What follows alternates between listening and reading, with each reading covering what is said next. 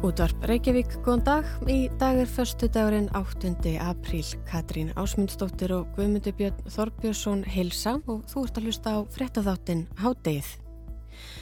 Átökin í Úkrænu halda áfram en sex vikur eru nú liðnar frá því að rúsneski herin hóf innrás í landið.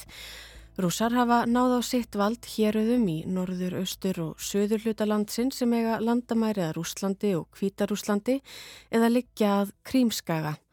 Alþjóðarsamfélagið hefur fordæmt hernaðinn og gripið hefur verið til refsi að gerða sem fá ef nokkur fordæmi eru fyrir. Úrsula von der Leyen fórseti framkvæmda stjórnar Evrópusambandsins og Joseph Borrell utanríkismólastjóri sambandisins Sambandsins eru nú á leið til Kíif, höfuborgar Úkrænu en von der Leyen greindi frá því fyrir vikunni að íbúar Úkrænu þyrtu á samstöðu Evrópu að halda og með ferðinni varir ætlunin að senda skýr skilabóðum órjúvanlega samstöðu með þeim og baróttu þeirra fyrir sameinlegum gildum. Í gær bárust svo þær fréttir að allserjaþing saminuð þjóðana hefði samþygt að víkja Rúslandi úr mannreitindaráðinu í kjálfar ásakana um að rússar hefði framið stríðsklæpi í Úkrænu.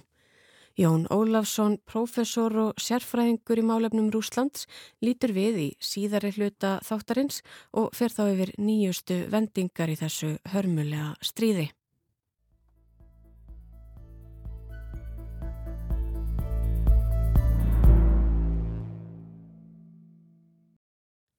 Svalt, íslensk tónlist og bananalýðveldið eru nöfn á þremur af rúmlega 200 aðilum sem metni voru hæfir til að taka þátt í útbóði á 22,5% hluti Íslandsbanka á dögunum.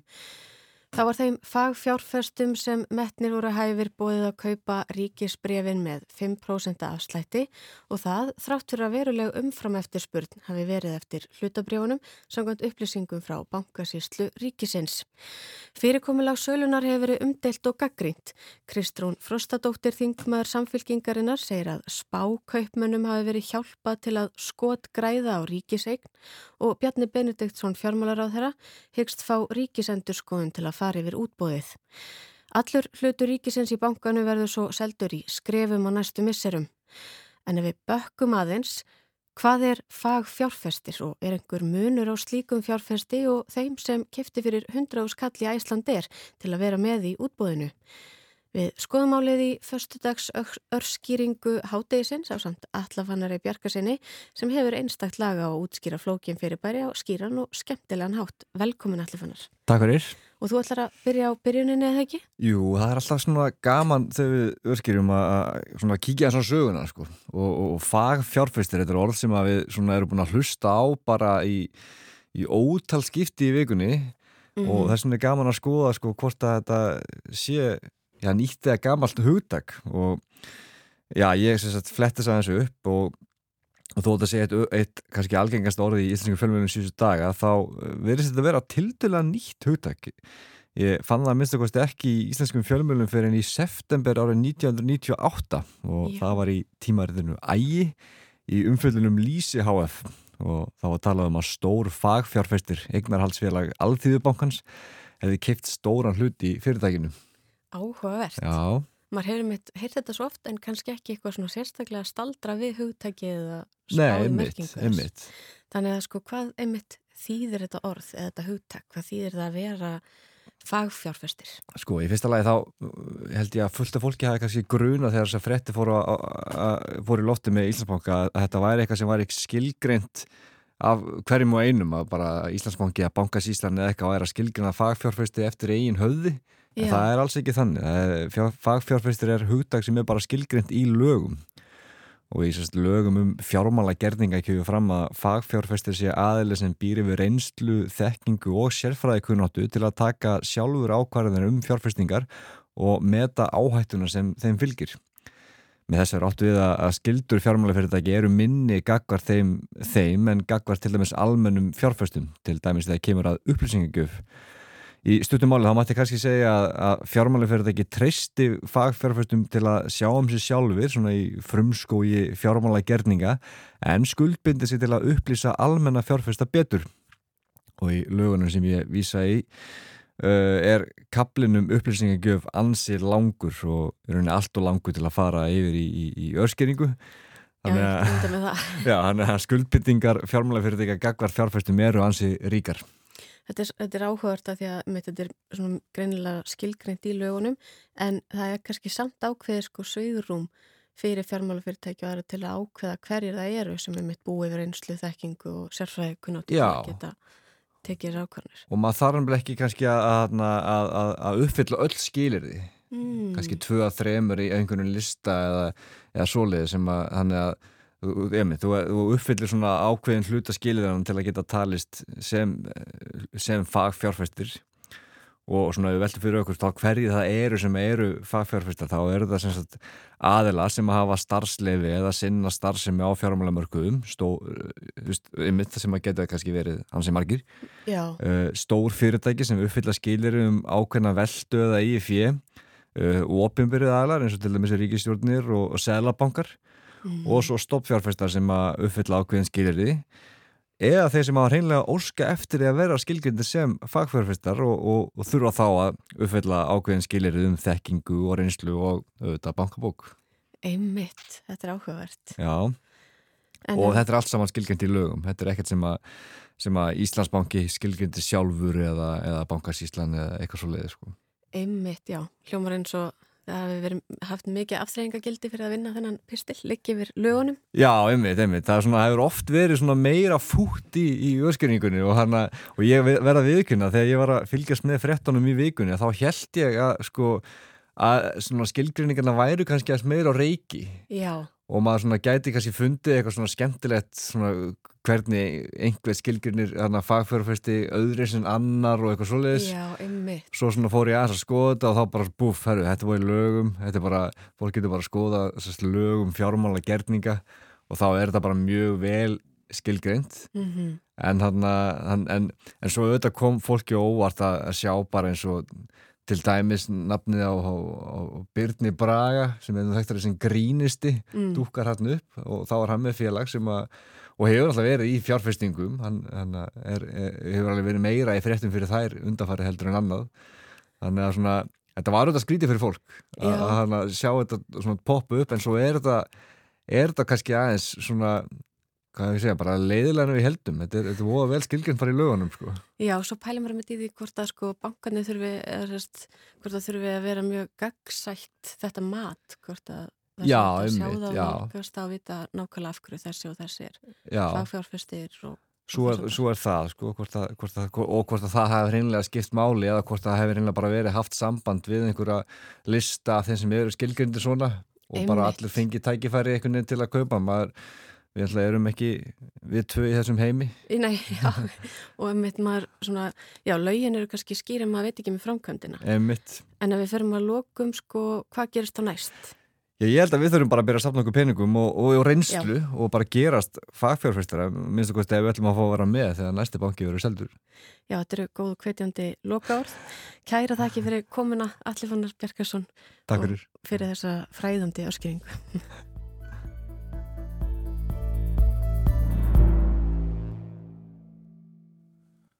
Þá höldum við til Úgrænu. Það er halda átökin áfram en nú er um sex vikur linnar frá því að rúsneski herinhof innrás í landið. Rúsar hafa náð á setjavald héröðum í norður, östur og söður hluta landsins sem eiga landamærað Rúslandi og Kvítarúslandi eða leikjað Krims Gaga. Úrsula von der Leyen, fórseti frangatustjórnar Europasambandsins og Jósef Borrell, utryggismálastjóri sambandsins eru nú á leið til Kiev, höfuborgar Úkrænu, en Leyen greindi frá því fyrir vikunni að íbor Úkrænu þurft á samstöðu að halda og með ferðinni væri ætluninn að senda skýr skilabóðum órjúvanlega samstöðu með þeim og baróttu þeirra fyrir sameinlum gildum. Í gær bárust svo þær frettir að allserjar þing saminuð þjóðana hefði samþygt að víkja rúslum úr mannrættindaráðinu í kjölfar ásakanum og rússar hefðu framið stríðsglæpi í Úkrænu. Hingaði komin Jón Ólafsson, profesor og sérfræðingur í málöfnum Rúslands. Velkomin Jón. Takk. Við ætlum að ræða svona nýjistu vendingar í þessu stríði, þessum átökum. Við kannski byrjum á þessu með með, já, rússar hafi reknir úr því saminuð þjóna. Þetta er nú bara held í einu sinni gerst áður, þá var Líbíu rekin út um 2011. Hefur þetta einhverja þýðingu fyrir, fyrir rússa? Ég, í rauninni ekki sko, þessu eru þetta mótmælt harlega og allt það en, en hérna, þetta er nú meira held ég symbólsk uh, aðgerð og auðvitað, auðvitað líka mikilvæg vegna þess að, að þarna er verið að sína það bara svart á kvítu að það er ekki, það, það gengur ekki að, að, að vera á sama tíma í Eh, innrásastríði og það sem er verið að afhjúpa eh, hróðarleg, já bara hryllingsverk og, og halda landin áfram í, í, í þessari þessum hlutarsaminu þjóðana ég, en ég held, held ekki að þetta skipti sjálfur sín einu máli sko. Emmitt, eh, talandum það eh, innrásastríð og voðaverk rússar náttúrulega halda því ennþá uh, halda því ennþá fram að, að þeir séu alls ekkit að gera neitt slíkt. E, e, nýlega bárust hörmulegar frettir úr, úr bænum eða borgin í Búka í Ukrænu þar sem að, að rúsum er gefið að sög að hafa að framið já, mjög gróf mannreittindabrót e, Mér leikur forveitna á að vita hver staðan er á þessu svona upplýsingastríði akkurat núna því að, því að þetta er náttúrulega rússar eins og ég segi halda því í statustöðu fram að þeir sé ekki gera neitt slikt, þeir hafa verið farnir úr bænum mm. áður en þessi lík fundust uh, er þetta færa, finnst þér þess að þetta þessi hluti sé að færast enn í aukana? Já, sko nú er uh, nú blasir þetta aldrei við þegar maður, þegar maður fylgist með rúsneska fréttaflutningum ekki síst þegar það verða að byrta myndir í sjónvarpi og segja að þær síni þetta og síni hitt að að eh, það er ekki sko, þetta er ekkit mjög vandaður eh, hvað maður segja, sko, vandaðar aðferðir sem verða nótt og þá ég, þá ég ekki við að séu vandaður í, í siðferðilegum skilningi heldur það er verið að henda saman uh, myndum sem að virðast kannski sína eitthvað og, og er hægt að halda fram að síni þetta eða síni hitt en í rauninni ruggla áhörvendur fyrst og fremst í rýminu og, og ég held að, að sko, það hefur í rauninni nú þegar verið sínt fram á það að það er ekki hægt að halda upp inn einum svona eva um það að þessir, þetta hefur gerst og að rúsnesku herrmennir beri ábyrð á þessum morðum.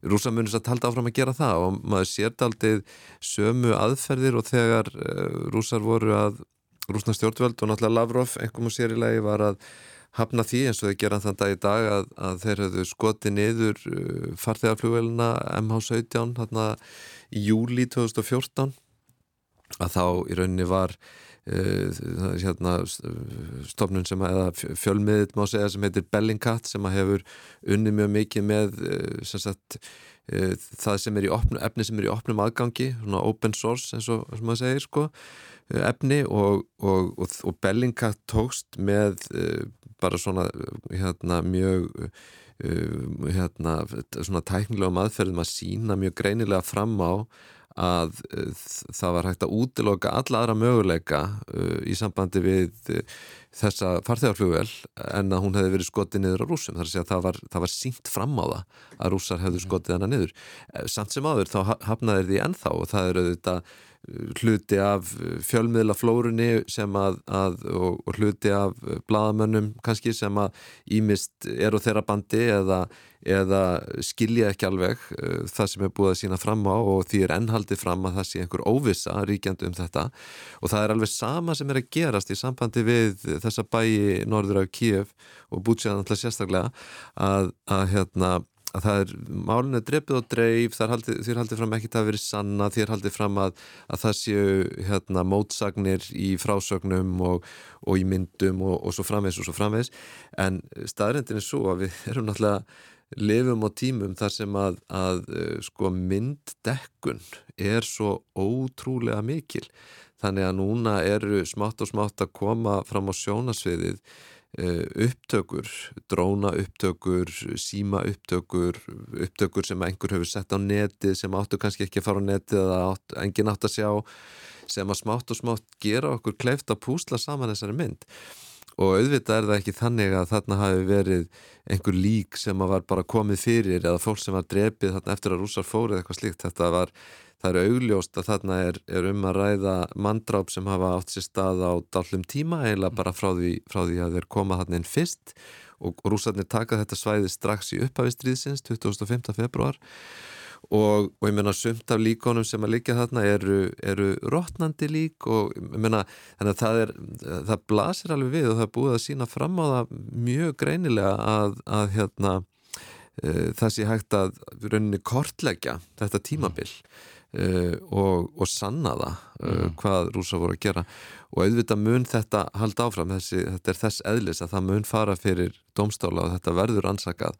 Og en ég held að, að nú þegar þá sjáum við alveg að, að uh, sko allar tilraunir uh, í Moskvu til að drepa þessum mál á dreif eru snúast ekki um það að þarna sé mhm. einhver vafi það er engin vafi hvað gerðist Síðast eru konstina þá, þá talar um það að þú óttaðist það að rússar myndu svona, já, í ljósi þess að stríðsreksturinn væri ekki að ganga eins og vel og Putin hefði ætlað upphafið að þeir myndu aðgerðir þeirra myndu gerast eh, aukafellri og, og, og þeir myndu fara að grípa til svona öðruvísi og, og öðruvísi taktikur um, erum við að sjá það það sem gerist þarna í bútsja er, er þetta dæmi um eitthvað slíkt og veitum við eitthvað til dæmis hversu kerfisbundin þau, þau voðaverk voru, voru það, var það tilskipun Pútins eða var, var það einfallega ákvörðin einhverja her, herdeldar?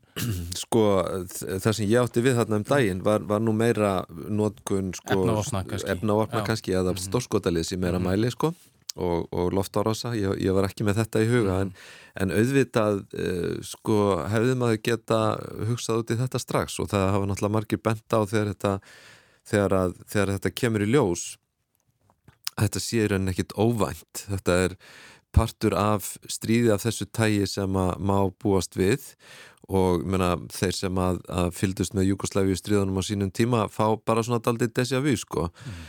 um, Uh, kannski bara eh, sko, það er svo merkilegt að sko rúsneski áróðus rúsneska áróðusmaskinan sem að gekk út á það frá upphafi að þetta væri afskaplega hreinleg, hreinleg fyrir ekki að þið sér aðgerð þar sem að, að það væru bara þau, þraut reyndir officerar og sérsveitar hermenn sem að væru sendir inn til þess að ná tökum þarna ákveðinu sveið og stuttum tíma og rauninni ekki gera neitt.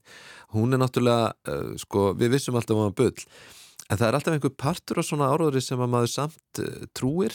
Mm og eitt af því sem ég held að, að Vesturlund hafi kannski og bara vestrænir, þeir sem eru að fylgjast með hafi kannski einhvern veginn ekki, ekki hugsaðum var sko hversu sko hversu ógeðslegt þetta yrði. Uh, og það er náttúrulega komað á daginn núna að þetta er bara ógeðslegasta tegund af stríði sem hugsaðst getur þar sem að Uh, hermenn uh, sko annarkvort uh, geta algjörlega leikið lausum hala og gert það sem þeim sínist og það koma upp einhverja svona einhver svona mál sko að, að fólk er bara drefið eða skotið og færið eitthvað eða það sem að þú nefnir og ég held að sé alveg eitthvað sem að þurfa aðtöða mjög vel að þetta sé kervisbundi, þetta sé mm. hluti af stríðsrækstrinum. Emit, eh, nú í vikunni kynnti að Europasambandi svona nýjan viðskipta þingar að pakka eh, Við vitum við eitthvað um áhrif þessari þungana á, á rúsnins samfélag og, og heldur ekki Putin því fram að þær hafa engin áhrif? Sko við vitum óskup lítið til skemmri tíma og er, þeir eru brattir, rúsar sko, menna það er því er haldið fram fullum fettum að það sé verið að bregðast mjög snöfurlega við þessu öllu og endanum munir þessi viðskiptaþinganir bara virka sem, sem vitaminsbrauta á rúsnarskar efnahag. Þetta eru þetta bara hreitn áróður en Uh, sko, tilfellið með þessar þinganir eru annars vegar að uh, þær virka þegar til lengri tíma litið, þær virka kannski á einu, tveimur árum en rúsar eru ekki ennþá kannski farnir að sjá fram á tekjufallið mm -hmm. í sambandi við gas og olju þegar þeir sjá það, þegar þeir sjá það raunverulega blasa við, þá mm gæti eitthvað ferða að gerast. Eh, Bara östuðt í lokinu og í gær hitt Allandars bandalæðið Ukrænumönum ja, hernaraðstóð vegna yfirvofandi stórsóknar í austurlutunum með hálfur rúsa og slóvakar tilkynnt í dag þeir hefur gefið ja, Ukrænumönum nýtt loftarnakerfi til að styrkja loftarnilandsins þetta er sjálfur sér stór tíðindi. Hvað getur við sagt um, um framtíðina? Eh, um næstu, næstu daga, næstu vikur, næstu mánuði? Er eitthvað að vita? Stuttasverðið er náttúrulega bara ekkert en uh, ef maður er alltaf að spá í spilin þá held ég að við séum að horfa á uh, fleiri og fleiri tengjast þessu stríði með beinum hætti. Og, og ég held að, að mena, þessi, þessi óhugnaður á síðustu dögum hefur greinilega hert fólk í sannfæringunum að það þurfi að veita rúsum ennþá meiri mótspyrnu.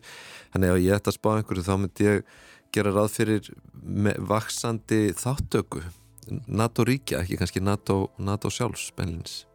Einmitt og, og já, margt sem verist benda til þess að, að uh, mannfall í rúsneska hernum sem mun meira heldur en Putin og, og hans menn vilja vera að láta en við komumst í miður ekki lengra í dag. Kæra þakki fyrir komin í Hátegi Jón Olsson. Takk. Hátegi er á enda þessa vikuna. Við verum hér aftur á sama tíma eftir helgi. Þennan þátt og alla heina má finna í spilaranum og hlaðvarpsveitum Rúf. Og þá er alltaf þetta að senda okkur post með ábendingum á netfóngið háttegið hjá rúf.is. Verið sæl og góða helgi.